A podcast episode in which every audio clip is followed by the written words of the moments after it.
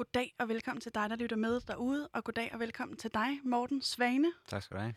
foredragsholder og bogskriver, øh, det hedder forfatter, og alt muligt, alt muligt mand. Hvad er det, du laver helt præcist? Jamen, jeg tror, du havde fat i det med det sidste. Alt muligt mand.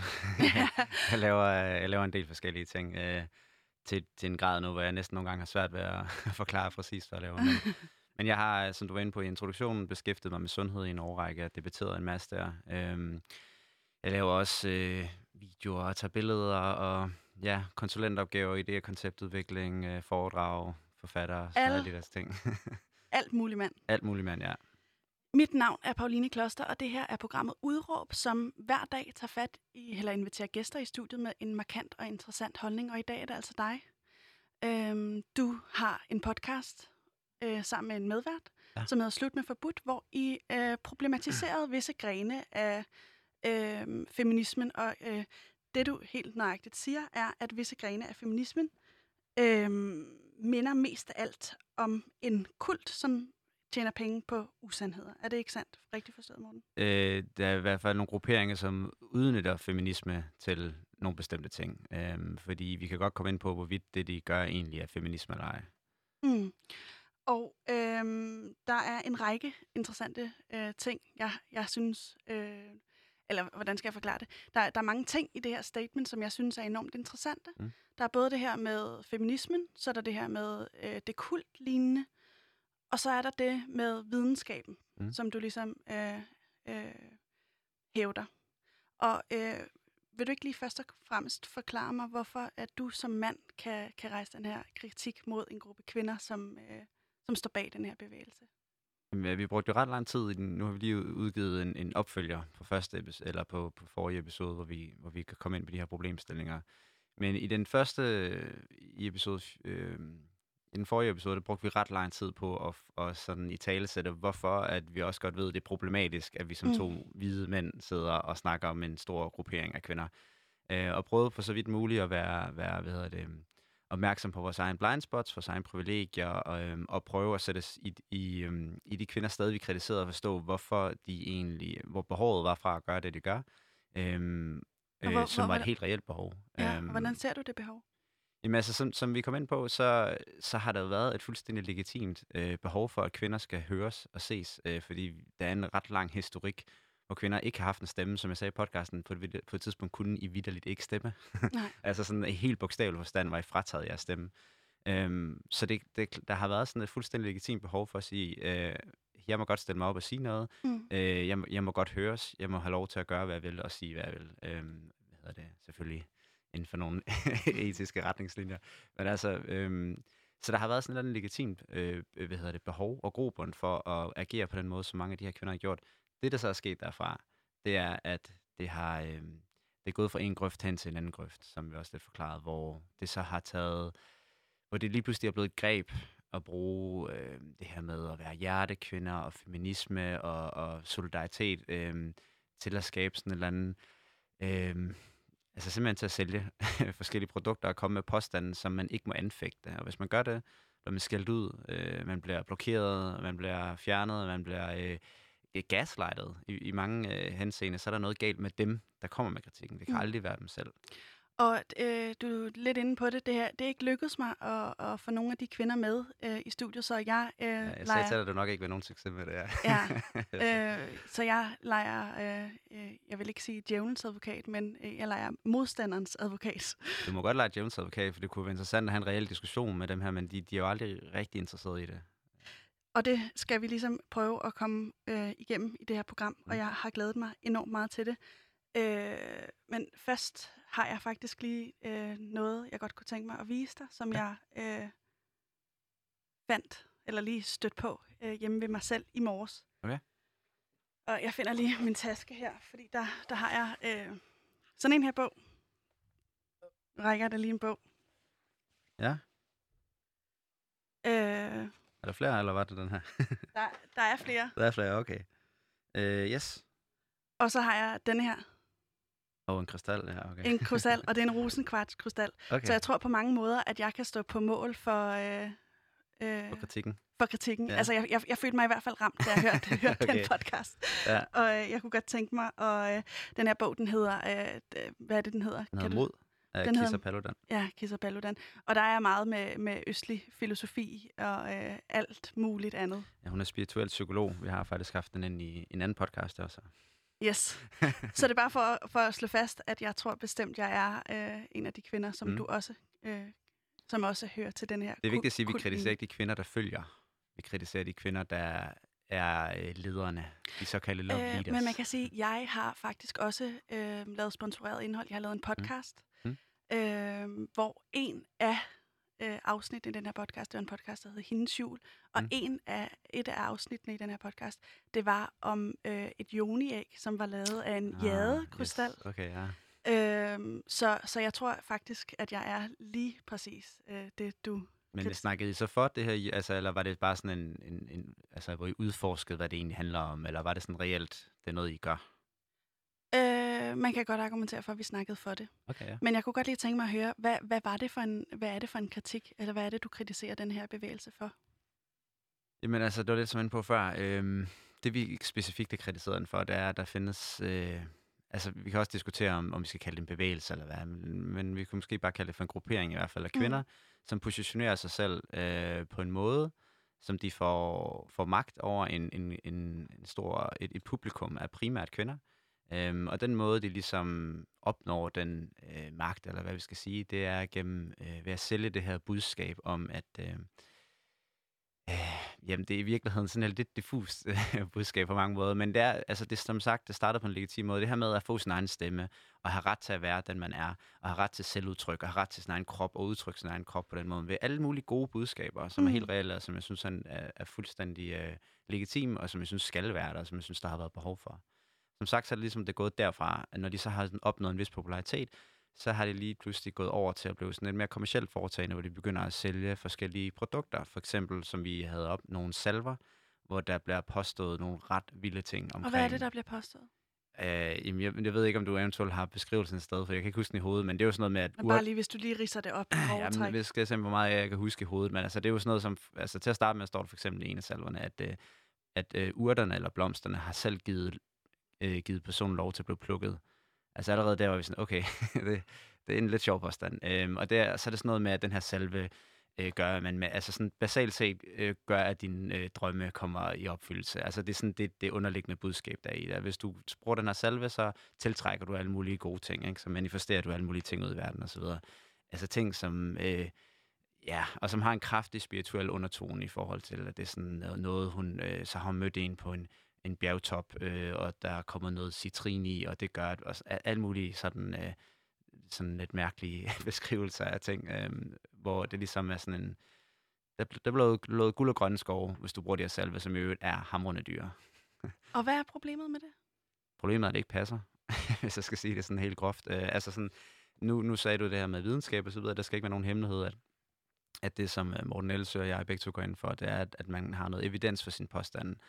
Øhm, og det, man kan sige, det er, som øh, med Christopher Hitchens ligesom efterhånden berømte fraser, det er, at... Jeg, øh, jeg kender ham slet ikke. Okay. Øhm, han var en, øh, en, en berømt ateist og debattør, men han sagde, at extraordinary evidence, eller extraordinary claims requires extraordinary evidence. Og hvad betyder det på Så den her ekstraordinær påstanden kræver ekstraordinær evidens. Så jo større din påstand er, jo, bedre, jo mere evidens og jo stærkere evidens skal du have for den. Altså Ej, jo mere belæg den skal her du have for den. samtale. Fordi øh, altså, jeg, øh, jeg, jeg forstår 100% hvad du siger, men Ja. jeg, øh, jeg tænker også, at der er nogle, nogle problematikker i den påstand. Ja.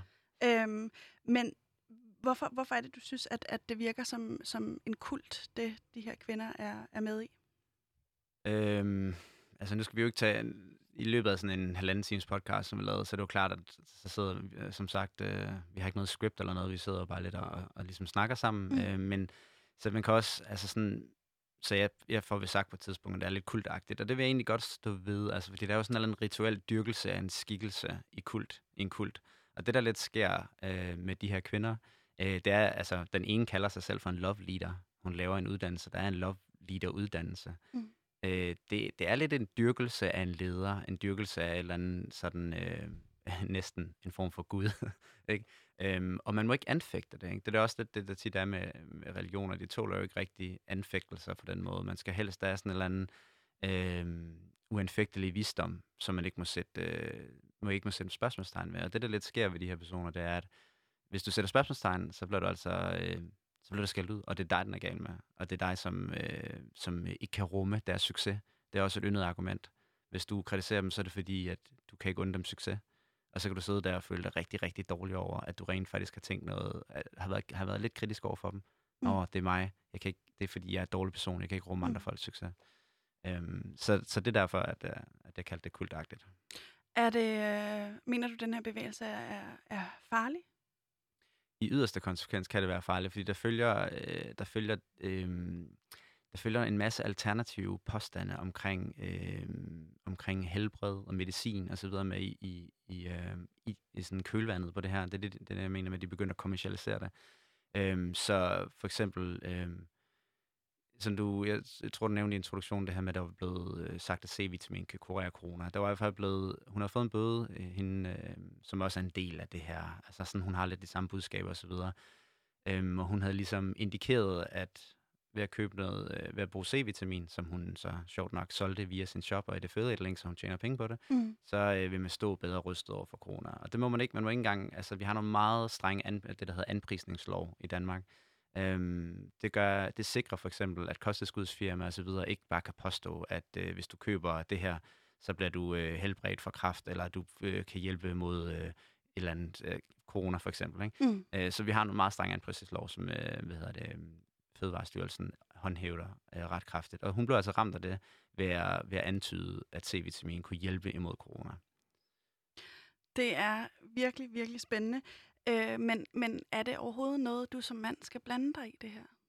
Øh, jeg så sådan set helst gerne, at der var et par stærke kvindeskikkelser, som rejste den kritik, som øh, Morten og jeg gjorde. Men som jeg også sagde i podcasten, så er det næsten... Øh, det, det, det, det siger næsten sig selv, at det ender med at blive to mænd. Og det skal forstås på den måde, at vi ikke kan blive ramt på samme måde, fordi vi ikke er en del af det her netværk.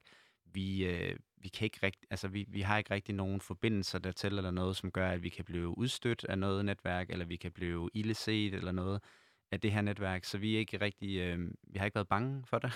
mm. så, så, som, øh, fordi vi har efterfølgende talt med, med andre øh, kvinder, som har sagt, at de har haft ret mange for eksempel store Instagrammer i deres indbakke, som, sagt, som har sagt sådan, åh, oh, vi vil virkelig gerne hjælpe med det her, men vi tør simpelthen ikke.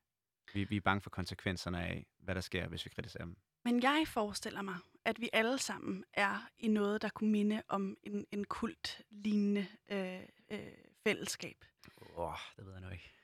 øh, inklusiv mig selv. Ja. Og jeg tænker også, at du er det. Øh, men vil, vil du ikke lige øh, er det ikke, er det ikke bare en, en, en naturlov, at vi alle sammen søger sammen med, øh, som, altså man hyler blandt de ulve, man er, man er i blandt, hedder det det? øh, jo, altså der er i hvert fald et, øh, altså, et, et klart menneskelig adfærd at søge ligesindet. Øh, så den del er jeg enig i. Og der er også en klar tendens til, at vi, vi, vi leder efter øh, mentorer, lederskikkelser osv. Mm. Øhm, men der er en forskel på at have en, en lederskikkelse, som tåler kritik, og som har, øh, hvad kan man sige, som kører efter demokratiske principper, og så have en lederskikkelse, som øh, du ved, kører efter en dikta- øh, kører diktatur. så øh, det vil sige, det der forskellen er. Så jeg ved ikke, jeg synes ikke, vi alle sammen er en del af en kultagtig, øh, et kultagtigt fællesskab, men vi alle sammen har i hvert fald tendenser til at lede efter personer, der kan guide os. Men må jeg lige prøve at spørge dig, altså hvis vi lige spoler tiden tilbage til din ungdoms, øh, ungdomsår, og du mm. har læst på universitetet osv. osv. Øh, hvornår begyndte du at gå op i det med videnskaben, som stadig er dominerende sådan, i dit liv i dag? Øh, jamen, det har jeg gået, det har jeg gjort sideløbende med, at øh, side, imens øhm, under min universitetstid, da jeg begyndte at, at, at, at diskutere meget omkring sundhed og så videre, fandt jeg ud af, øh, hvor mange påstande, der florerer, uden folk har noget som helst belæg for det.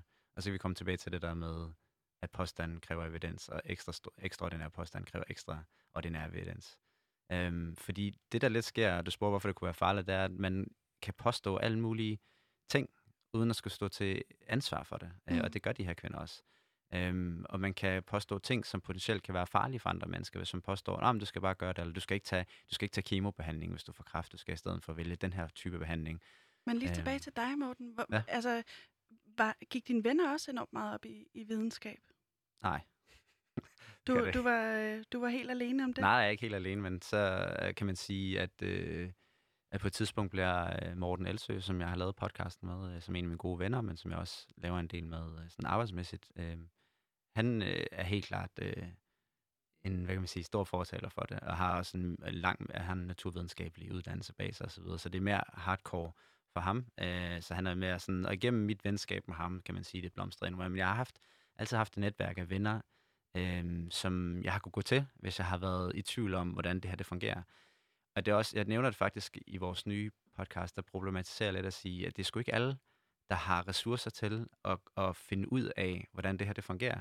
For det kræver faktisk ret meget arbejde Mm. at, at vide, øh, hvordan et studie opbygges godt, hvad god forskning er, hvad dårlig forskning er, hvad, er med, hvad hvilket øh, studiedesign har der været, hvad er, hvad er værdierne, hvad måler man på, øh, altså statistik, alle sådan nogle ting, der, det, det er sindssygt svært, og jeg er bare heldig, at jeg har et netværk af folk, jeg kan spørge, når jeg bliver i tvivl.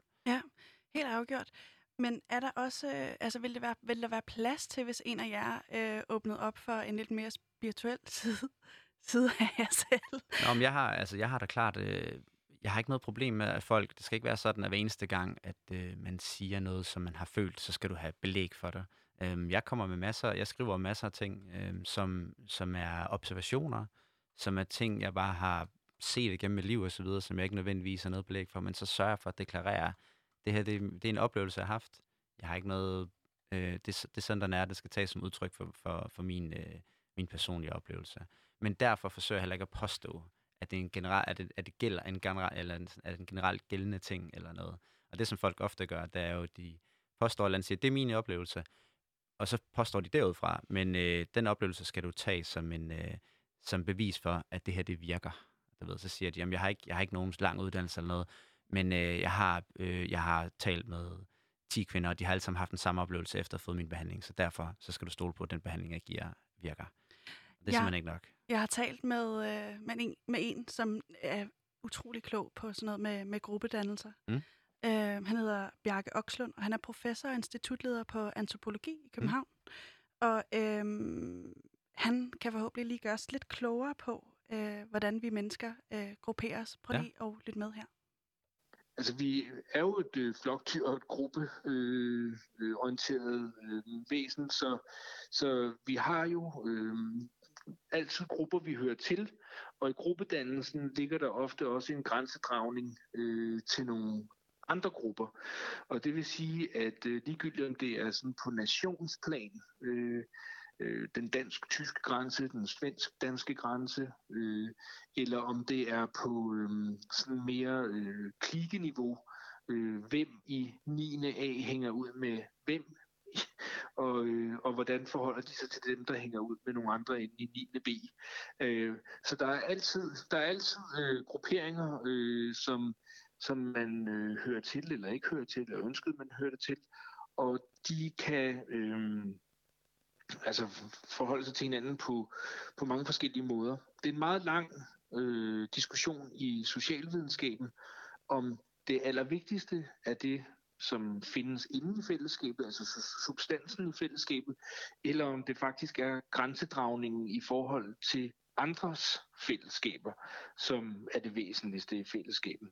Og måske er der en, en lidt en både og dimension øh, der, at grupper og fællesskaber er altid både karakteriseret ved noget, som de kan genkende hos sig selv, altså nogle fælles træk, og så øh, i forhold til, at der rent faktisk er nogle andre, nogle andre, som man kan definere sig i forhold til, altså grænsedragningen. Ja, hvad er det så for nogle fælles øh, kendetegn, der gør sig gældende for en given gruppe? Det er jo noget af det, vi øh, altid studerer som, øh, som antropologer. Altså vi prøver at finde ud af, hvad er det, der er vigtigt for et givet fællesskab. Og typisk så øh, er det jo noget, man kan se i forhold til, hvad en gruppe øh, dyrker som helligt. Altså har man et, øh, altså en religion, er der nogle, nogle ting, som er ophøjet, som øh, anses for at være øh, noget, man ikke må gøre grin med, noget, man ikke må øh, kaste mudder på, noget, der, noget, der er heldigt. Øh, man kan også kigge på, om, øh, om der er øh, nogle meget centrale øh, sociale værdier, som egentlig er så grundlæggende, at øh, de slet ikke bliver betvivlet. Øh, for eksempel så vil nogen hævde, at, øh, at øh, lige, lighed og ligeværd er så grundlæggende øh, størrelser i den danske øh, velfærdsstat og, og, og socialitet, at, øh, at det er helt centrale værdier, og, og det egentlig er meget sjældent, at de sådan for alvor bliver betvivlet. Det er et fælles grundlag. Øh, det er et fælles træk. Øh, og det vil man så kunne holde op imod øh, andre steder, hvor, øh, hvor det at hierarkisere øh, er mere øh, udtalt. Som for eksempel nogle steder i Syd, Sydasien, hvor man har kastehierarkier øh, som, hvor man så kan se, at der er en meget stor forskel på en meget udbredt lighedstanke og en meget udbredt hierarkisk tanke. Kan man snakke om farlige grupperinger? Det kommer vel an på, hvad for en, en samfundsorden man, øh, man gerne vil opretholde. Altså noget af det, som vi øh, almindeligvis siger i et, øh, i et vestligt øh, liberalt demokrati, det er, at, øh, at demokrati er en fundamental værdi. Det vil sige, at vi afgør vores øh, uenigheder med ordets øh, magt. Det vil sige, at vi udfordrer hinanden med diskussioner. Vi prøver på gennem demokratisk samtale at få afgjort ting.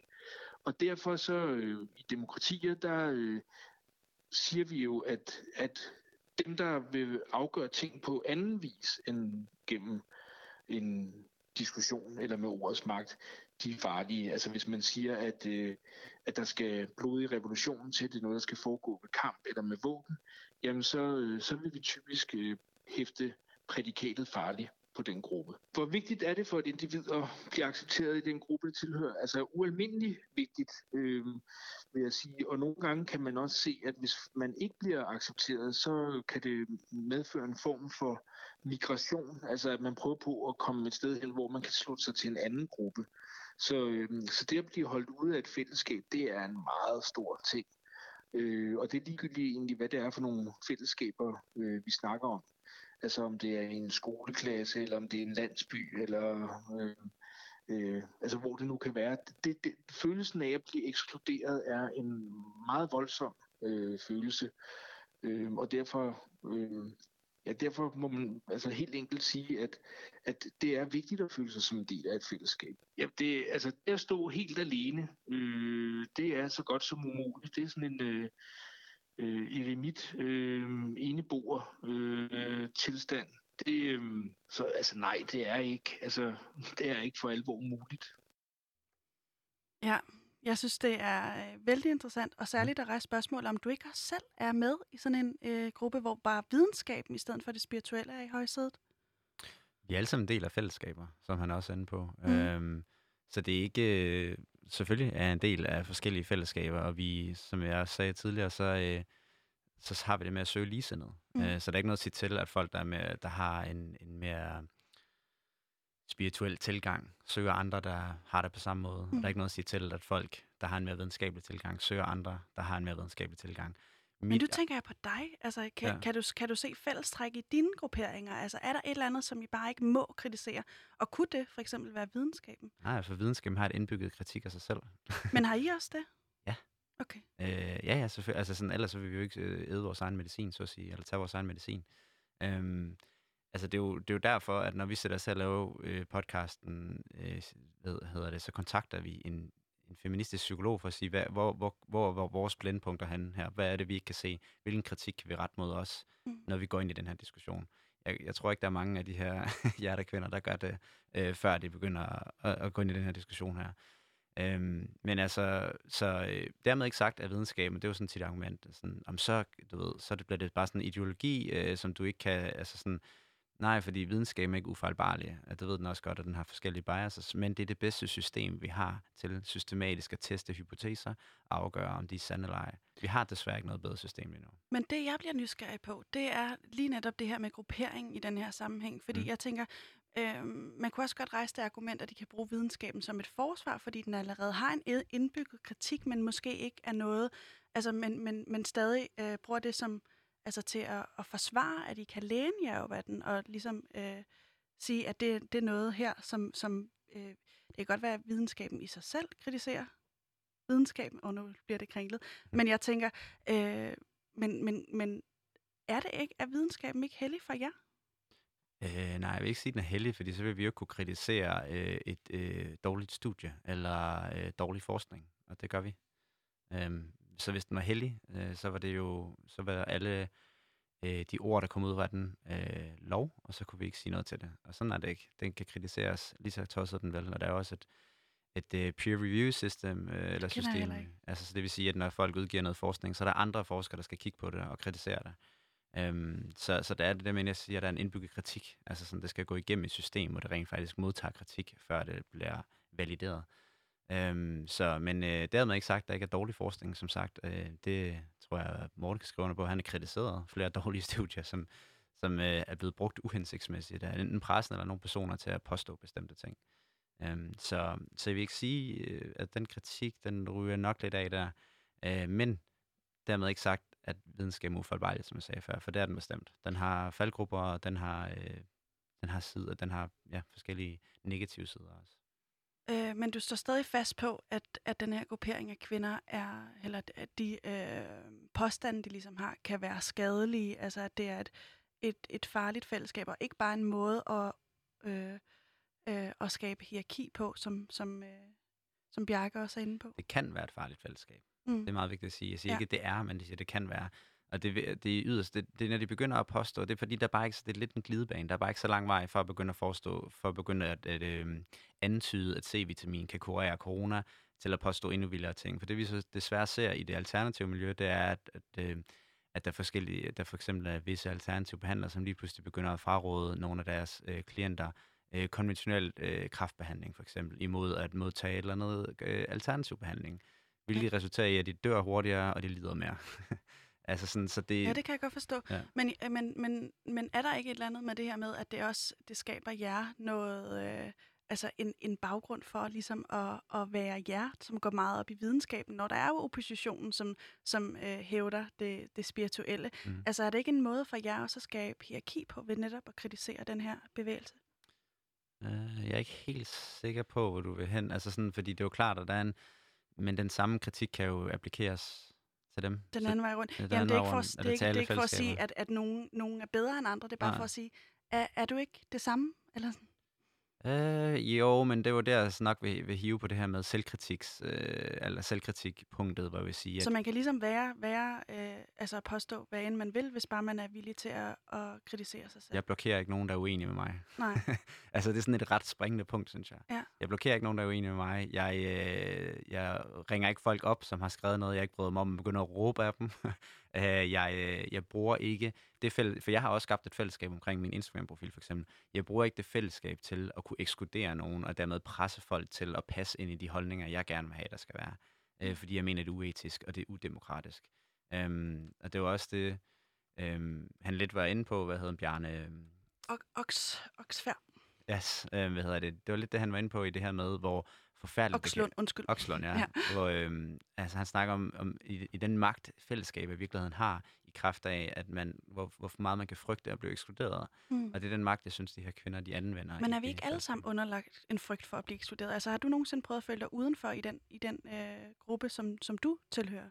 Øh, ja, gennem mit liv har jeg øh, følt mig udenfor i forskellige sammenhænge og så videre. Det tror jeg, de fleste har prøvet. Det er en forfærdelig men, behø- men behøver det at være eksplicit, for det ligesom bliver reelt? Altså, du siger det her med at blokere og øh, ringe Nej, op og svine? Eller sådan det kan være en mere subtil uh, fasong, hvor, hvor det bare sådan, du ved, man lige så stille bare frosset ude. Ja, eller lige ikke? præcis. Så det, og det kan næsten være mere ubehageligt. Men her er det bare meget tydeligt og meget eksplicit, som du siger. Men er øhm. det bedre, når det er subtilt så?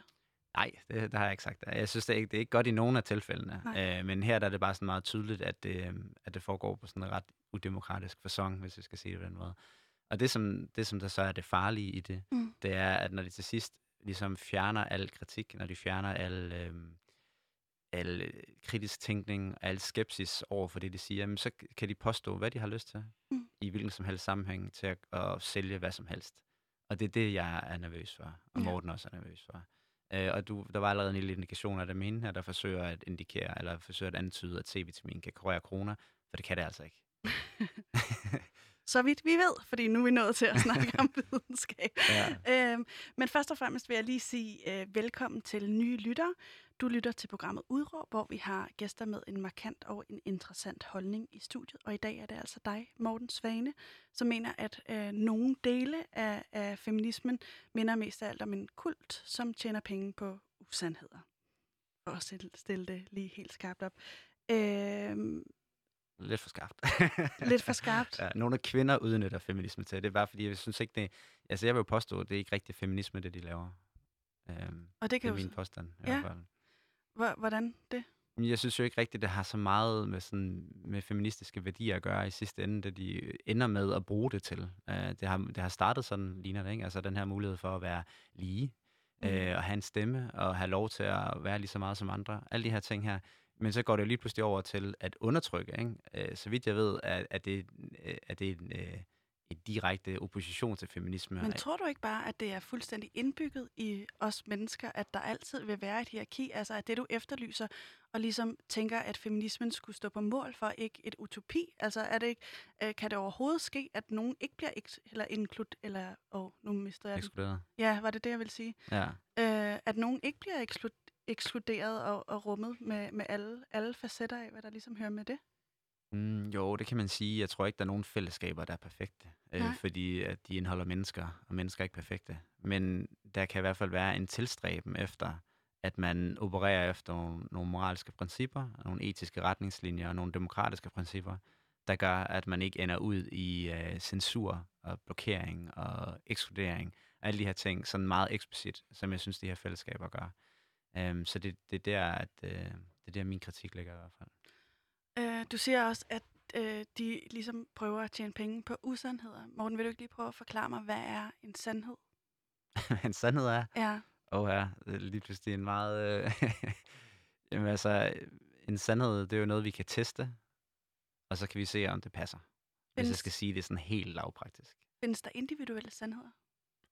Ja, vi kan jo godt sige, at, at, at nogle personer har... øh, Altså, det er jo lidt, lidt et brugt argument her, det er at sige, det er min sandhed, og derfor kan du ikke anfægte den. Problemet med det udsagn, og problemet med den, den måde at, at, hvad kan man sige, at navigere på, det er, at altså, er man lige pludselig netop, altså, så er man fritaget fra al form for kritik, uanset hvor savlig den er. Og det er bare sådan, det er ikke særlig, øh, for at bruge et kedeligt ord, hensigtsmæssigt, synes jeg. Altså sådan, det, det, det, det gør bare, at man lige pludselig sådan kan, kan gøre og påstå nogle ting, som, som måske ikke er særlig gode. Men kan god videnskab ikke også være et skjold mod, øh, mod andre angreb? Øh, kan du give et eksempel? Jamen, jeg tænker bare for eksempel, hvis man siger, øh, okay, øh, C, C-vitamin virker ikke mod corona. Lad os mm. Bare tage det eksempel, ikke? Ja. Øhm, fordi det, det, er ikke, det er der ikke videnskabelig evidens for, som du siger. Altså, det, ja. Det, er der ikke, det er ikke vid- videnskabeligt øh, Mm. gennemtestet eller Nej. efterprøvet. Øhm, så derfor er det sandheden, altså har videnskaben sandhed? Nej, øh, videnskaben er meget bevidst om, at den ikke har sandheden. Mm. Mm. det er derfor, vi så godt kan lide det system. øh, altså sådan, den, den, øh, grunden til, at videnskaben avancerer og laver fremskridt, det er, fordi den hele tiden forsøger at modbevise sig selv. Den antager, at den ikke har sandhed. Den antager, at den tager fejl, og den forsøger at teste forskellige hypoteser øhm, for, at tage frem, for at gøre fremskridt. Det er sådan, vi bliver klogere og klogere. Ja. er, at vi forsøger at teste ting, og så ser vi, nå okay, det var ikke som vi troede, det var. Nu prøver vi noget, at gøre det på en ny måde. Test på en ny måde. Teste en ny hypotese. Kunne du forestille dig, at der var øh, en gruppe af videnskabsmænd, som, øh, hvor, hvor det ikke var tilladt at tænke tanker, der som sådan var uden for videnskaben? Ja, ja, sagtens. Altså, der, der er jo flere eksempler øh, i videnskabens historie, hvor, øh, hvor det har været tilfældet, at der er foregået desværre dårlige ting, og der er ting, der er blevet udnyttet eller fremstillet på en forkert måde. Der er nogen, der har øh, været presset til at, at skulle give bestemte resultater osv. Øh, som sagt, videnskab er ikke uforbarligt. Heldigvis så er der en rigtig god track record for at afsløre, når de ting er sket, og tage dem op efterfølgende, og ikke øh, feje dem ind under gulvtæppet. Mm. Øh, men øh, som sagt, alle systemer er, har fejl, øh, så længe der er mennesker involveret i dem. Mm. øhm, så, så det er der også i videnskaben. Kunne du se, kunne du se det ske i, i øh, altså at, at de her fejlslutninger ligesom sker i de miljøer, som du befinder dig i? Øh, hvilke fejlslutninger? Altså at, der, at I egentlig imellem kommer til at påstå noget, som, som nødvendigvis om nogle år, eller øh, øh, vil, vil vise sig at være øh, sandt alligevel? Ja, sagtens. Altså, og, og der kan man sige, øhm, en ting, som jeg i hvert fald har forsøgt at arbejde med de sidste par år, og som er mega svært, når man er, når man er et menneske, mm. det er at øh, øh, indrømme sin fejl, tage, stå til ansvar for sin fejl, og så lære sin fejl. Øhm, så det, det er i hvert fald en ting, som jeg prøver at være bevidst om, fordi det første, vi som regel føler, når vi har fundet ud af, at vi har taget fejl, eller muligheden for, at vi har taget fejl, det er en sådan ret intens, øh, hvad hedder det, altså sådan, vi bliver meget ukomfortable. Det er sådan en ret intens, øh, dårlig følelse af, at øh, altså, det er ikke særlig rart. Øhm, så, så, så det, der ofte sker, det, det er det, der hedder kognitiv dissonans. Altså man har Og vil et, du lige forklare, hvad det er? det, er- det, det, altså en tankemæssig uoverensstemmelse. Det, så hvis vi har et, en, et, verdenssyn, og vi bliver udfordret på det verdenssyn, og vi finder ud af, at det godt kan være rigtigt, så har vi en tankemæssig uoverensstemmelse, fordi vi har et, et øh, syn inde i vores hoved, og det bliver Billede af- et billede af, hvordan verden er, fungerer. Ja. Og når det bliver udfordret, så føles det faktisk øh, næsten som, at vi, øh, det kan næsten føles livsfarligt. Det kan føles som, vi er i fare, fordi den måde, vi opfatter verden på, den bliver lige pludselig udfordret. Og er det noget, du oplever, eller hvor, hvorfor? Ja, ja, det, og det, Ja. ja. det er op, op, øh, altså det kan også være på små, en lille skala, altså det er sådan noget kognitivt, det kan også være folk, øh, folk der ryger og får at vide, at øh, rygning er rigtig, rigtig farligt. De oplever kognitiv dissonans, for de ved godt, det er farligt, men de bliver alligevel ved med at ryge. øhm, Og hvordan oplever du det? Jamen, som sagt, altså, at det, den, altså, ligesom alle andre mennesker, så reagerer man den her sådan ret intens, øh, hvad hedder det, øh, ukomfortable følelse. Øh, men det, der så er, øh, og det man så kan gøre derfra, det er, at man kan gøre to ting, og det er det, der ofte sker, når man oplever kognitiv dissonans. Den ene, det er, at man øh, afviser påstanden, man afviser kritikken, man afviser det syn, der nu er kommet, blevet præsenteret for en. Eller to, man adapterer, man, man tager det ind til sig, og man ændrer og adapterer sit livssyn. Langt de fleste vel- mennesker vælger nummer et, fordi det er det nemmeste. Det gør ikke ondt. Der er ikke noget, du skal ikke til at lige pludselig omarrangere, hvordan du opfatter verden. Du kan fortsætte, som du hele tiden har gjort.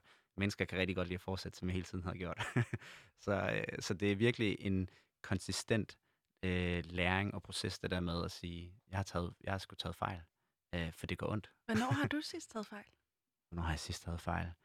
Øh, det, det har jeg sgu sikkert gjort for nylig. Altså, øh, jeg tror, at jeg var i en eller anden diskussion med mine to kollegaer på kontoret forleden, hvor jeg fik påstået et eller andet, hvor jeg bare sådan, det var ikke, det var, øh, altså, hvor jeg bare godt kunne se bagefter, det var forkert. Altså, det var bare sådan et eller andet, end det, altså, hvor, jeg også, hvor jeg faktisk kom tilbage. Men det tog to timer, før jeg skrev tilbage og sagde, ved hvad, det er det, der jeg gjorde tidligere. Jeg kan godt se nu, det var ikke okay. Fordi først der var jeg sådan, kunne jeg se lidt mere objektivt på det, jeg havde gjort. For min første, mit første indskud, så var at sige, nej, det passer ikke. Ja. jeg kan ikke have gjort noget galt. så, Nej, det kan du ikke. En, der øh, skal tage os lidt med øh, i historien om videnskaben, og hvordan videnskaben ligesom øh, er netop fejlbarlig, det er en, som hedder øh, Jakob øh, Ringtoff. Han er professor ved Roskilde Universitet, og så underviser han i det, der hedder videnskabsteori, mm. Som jeg øh, tænker, du også har haft det i hvert fald et meget øh, akademisk fag. Og jeg skal advare om, at ligestallet godt lige kan ryge lidt op, men jeg skal nok prøve at... Øh, oversætte. Ja, hvis man, kan, hvis man kan sige det sådan, og hvis jeg forstår det hele, ellers må ja. Du hjælpe mig, mor. øh, men øh, vi skal lige høre ham, hvordan videnskaben har ændret sig igennem tiden. Vil du Mm. ikke lige prøve at lytte med her? Øh, jamen altså, det her, i de her coronatider, der er den jo, store diskussion er jo omkring øh, det, at man skal vaske hænder.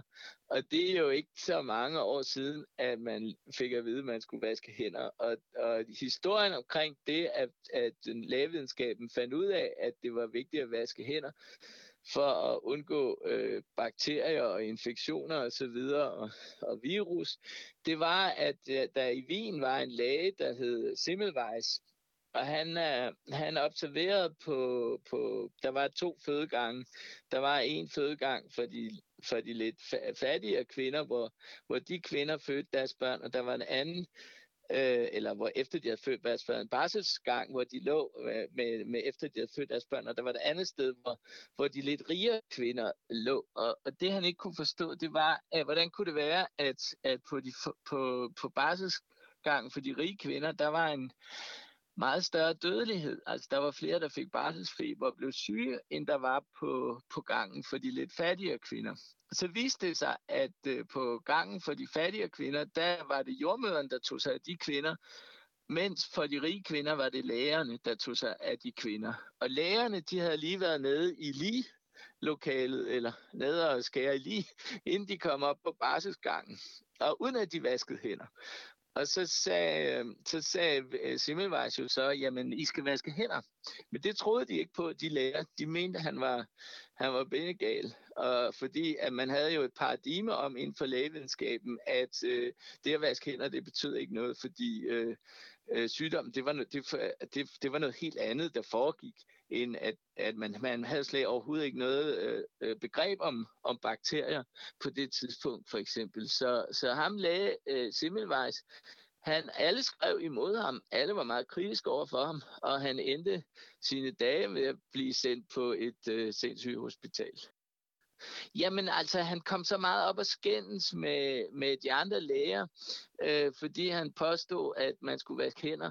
Og, og der var en af de andre læger, der hjalp med at få ham øh, sat på et sindssygehospital. Altså, han, det, det var jo ikke kun fordi, at, at man ville af med ham, men det var også fordi, han faktisk havde et nervøs sambrud, fordi hans øh, hypoteser ikke rigtig blev accepteret af de andre læger. Og det er jo typisk en diskussion om, eller et eksempel på, hvordan der er en, der har en, en hypotese, øh, som er en hypotese, som vælter hele den dominerende opfattelse af, hvad lægevidenskab er, eller hvad videnskab er, og så er der ingen, der tror på ham. Så må der gå noget tid, før man begynder at tro på ham. Og pointen er jo, at når man lever øh, i et bestemt verdensbillede, så forklarer man alt ud fra, den verden, fra det verdensbillede kan man sige at videnskaben sandhed? Øh, nej, det kan man så ikke rigtigt, fordi hver, hver øh, videnskabelig teori bygger på nogle grundantagelser, og, og det er ikke sikkert, at de grundantagelser kan retfærdiggøres eller bevises. Så, så man, er, man har så at sige altid nogle grundantagelser, og de grundantagelser, der, de kan aldrig rigtig øh, begrundes. Altså man kan altid stille øh, spørgsmål til spørgsmål til spørgsmål til spørgsmål. Man, man, kan, man, kan aldrig, man har altid en, en ubegrundet grundantagelse for sin teori. Har man brug for alternative sandheder?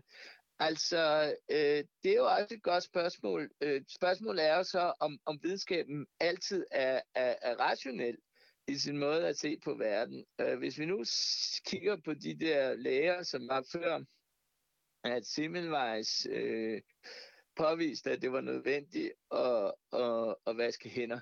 De havde jo nogle opfattelser af, hvad, hvad sygdom var. De mente jo, det kom af nogle, øh, måske nogle forskellige væsker ind i kroppen, eller, eller nogle forskellige ting. Det var måske også øh, forbundet med noget åndeligt osv. Og, og der havde de jo nogle, nogle bestemte antagelser, og de antagelser begrundede så deres måde at se på verden. Øh, og, og de troede jo, at de antagelser var rationelle. Det viser sig så, at de var slet ikke rationelle. Så problemet er, hvad fornuft eller rationalitet er. Og, og der er det tit og ofte, at man ser, at det, man mener er en videnskabelig øh, antagelse, den i virkeligheden er ubegrundet, eller måske er, er afhængig af myte, eller, eller noget, noget andet. Så er spørgsmålet, om man kan sige, at videnskaben er sandheden, og at videnskaben er det, der er rigtigt der siger videnskabsteorien jo, at der er forskellige videnskabelige paradigmer. Man bruger ordet paradigme. Paradigme, det betyder verdensopfattelse, verdensbillede, teoretisk grundlag eller opfattelse af, hvordan tingene er. Øh, når man lever i et paradigme, så forklarer man alt ud fra det paradigme, som så består af nogle grundlæggende antagelser, øh, som for eksempel, at jorden er, er flad og centrum for verden. Og det kommer til at forklare alt.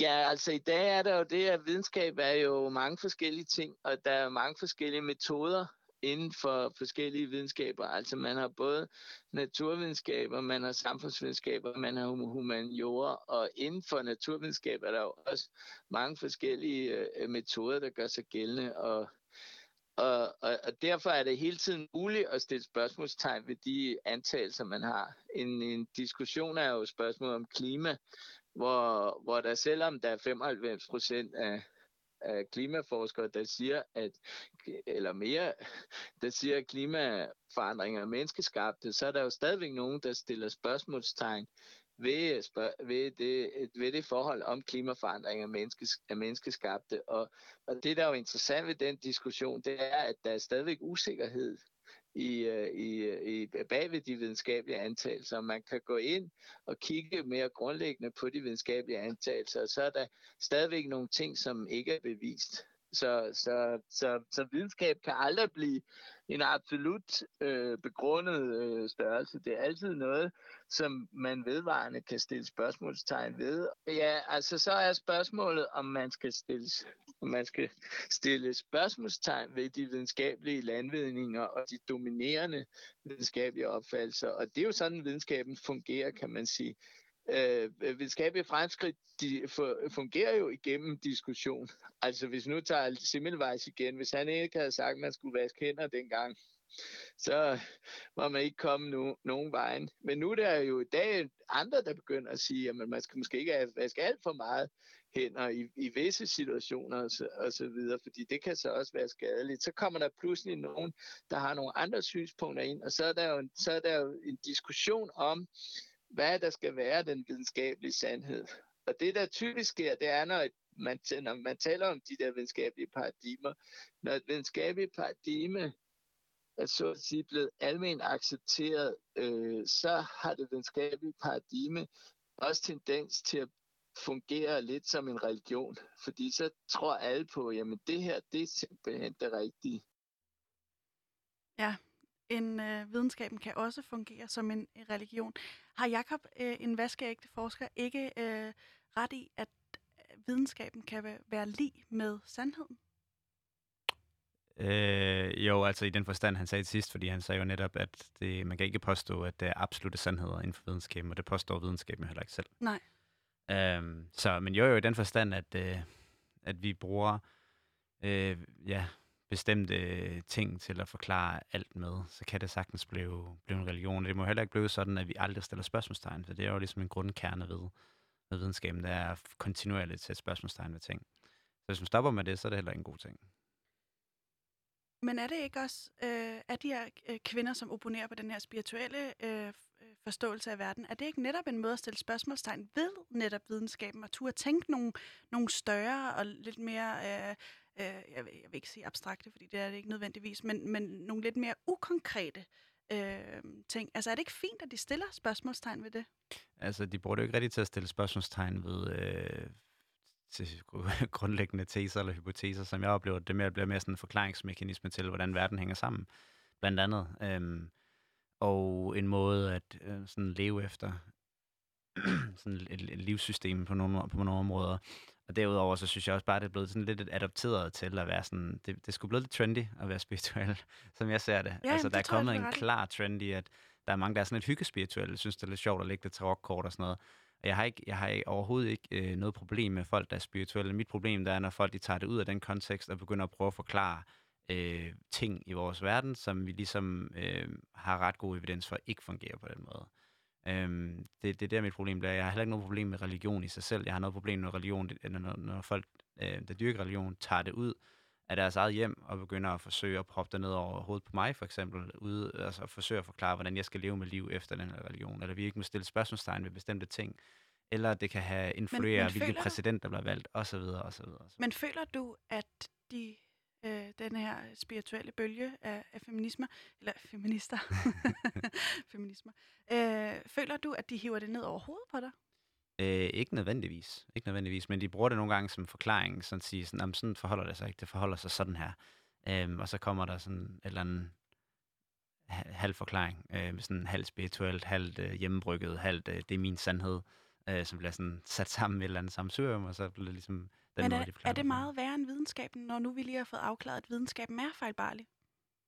Øh, ja, fordi videnskaben tester jo så de hypoteser. Det gør de ikke. det er lidt det der, altså det grundlæggende ting i det, kan man sige. Det er spændende, synes jeg. Men jeg kunne godt tænke mig lige at prøve at spørge dig ad.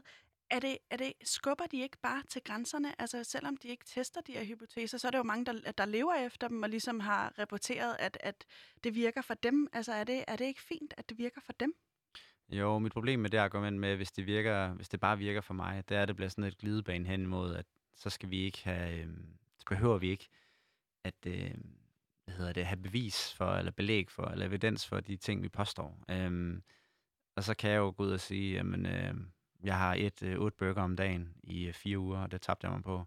øh, det, det virker jo for mig, så hvorfor virker det ikke for dig?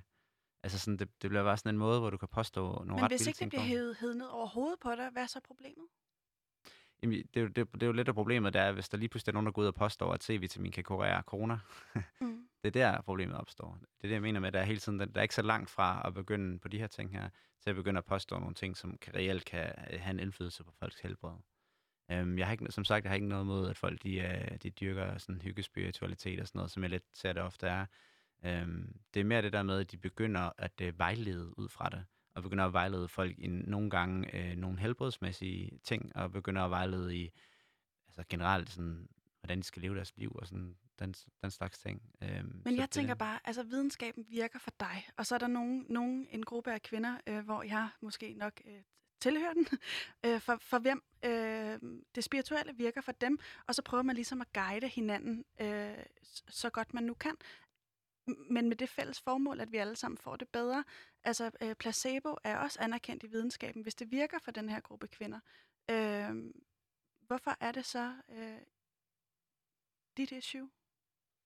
Øh, det var det her med, at det kan, hvis, det går hen, hvis du går hen og prøver at bruge det til at forklare nogle ting med, eller forsøge at rådgive omkring, øh, hvad det skal gøre med dit helbred. Jamen, hvad er Det det, der- hvad er det der, hvad er det? Altså for eksempel C-vitamin, som I også nævner, Mm. det er jo ikke skadeligt, eller sådan, må de så ikke bare øh, spise det C-vitamin, og så, så øh, kan det være, det virker placebo Vi har desværre lidt for mange eksempler på gennem historien, at folk har taget de her alternative råd, og så har de lavet være med at opsøge en læge, eller lavet være med at opsøge faglig hjælp, øhm, og så er det gået rigtig, rigtig galt, fordi de har stolet på de folk, der har sagt de her ting i stedet for. Og det, det er der, vores bekymring ligger. Øhm, vi har set små børn, der er døde af, at de har blevet fodret af et eller andet bestemt kost, som nogen har sagt, at det er sådan, det skulle gøre, i stedet for at gå til en læge og finde ud af det. Øhm, det kan være at nogen, der øh, hvad hedder det, frasiger en kraftbehandling, øh, fordi at de har fået at vide, at de i stedet for skal leve af lys, og så videre, og så videre, og så videre. Altså sådan nogle ting, som, som øh, kan gå hen og så rent faktisk koste folk livet i sidste, i sidste ende. Øhm, altså når du siger, at, øvrigt, at, at videnskab virker for mig, men ikke nødvendigvis for dig, altså vi kunne ikke sidde og tale på den her måde, hvis videnskab ikke også virkede for dig. Altså gennem de her mikrofoner, gennem det her, altså Jeg alt ser det her. heller ikke mig selv som modstander Ja, af okay. videnskab. jeg Og det var, det, var, ja, det var bare for at sige sådan, det, det, det er ikke fordi, det er sådan at sige, jamen, så virker det for mig. Altså, der er også ting, det, det, det er bare for, altså, fordi det bliver sådan lidt en os dem, og det er også noget af det her miljø lidt trives på, det er at sige, jamen, så har vi den kolde videnskab. Men har du ikke også det? Hvad? Har du ikke også det? Jo, jo, men, men mit, mit, min ting er, at jeg accepterer også dem. Jeg har ikke, jeg har ikke, du ved, jeg har ikke noget imod dem intrinsisk inde i mig, siger, at de er nogle dårlige personer, jeg ikke har noget med dem at gøre. Um, det er ikke det, jeg har noget imod de påstande, de kommer med, og, jeg har noget, og så har jeg noget imod den måde, de driver det her fællesskaber på. Um, Så- jeg, så jeg hvis synes, du- det er udemokratisk. Men altså, hvad hedder det, det, det er bare for at sige, at altså, det, der er tit den her sådan, os mod dem, og så er der sådan videnskab med det her kolde, øh, som ikke øh, tænker på følelser, og så har vi det her andet, som ligesom øh, og fagner bredere og så videre. Det, det, det, det er ikke sådan, jeg heller altså, lever mit liv. Der er mange ting, vi ikke kan forklare øh, med videnskab endnu også, og det er også, vi kan ikke forklare, hvorfor øh, jeg bliver rørt, når jeg hører en bestemt sang eller eller andet. Altså sådan, det kan vi ikke forklare videnskabeligt. Øhm, og det er fint nok, det kan jeg godt acceptere. altså, det er sådan, det er. Øh, men det er bare for at sige, det, jeg bliver med at vende tilbage til den der før. Det er det bedste system, vi har til at teste hypoteser lige nu. Øh, i, I hvert fald er det det, der virker for dig. øh, hvad er forskellen på, øh, på, på den øh, gruppering, som du er i en del af, som er øh, læner op af videnskaben, og så de her spirituelle kvinder?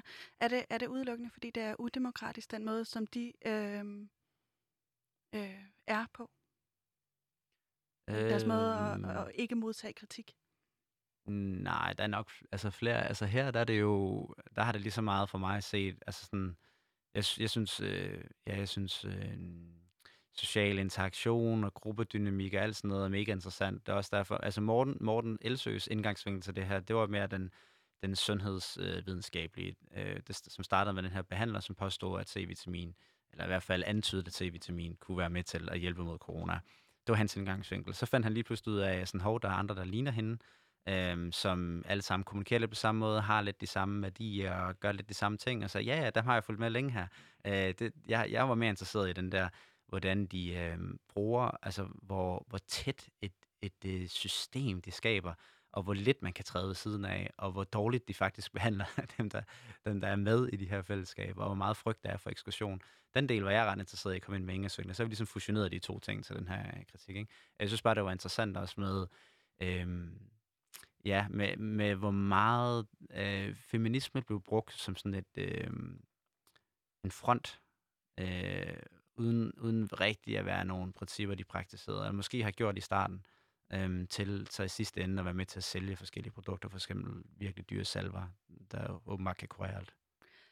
Vi er ved at være ved vejs ende. Du skal have tusind, tusind tak, Morten, fordi du gad at komme i studiet. Øhm, producer var Thor Arnbjørn, og det her program Udråb er produceret af Rakkerpak Productions.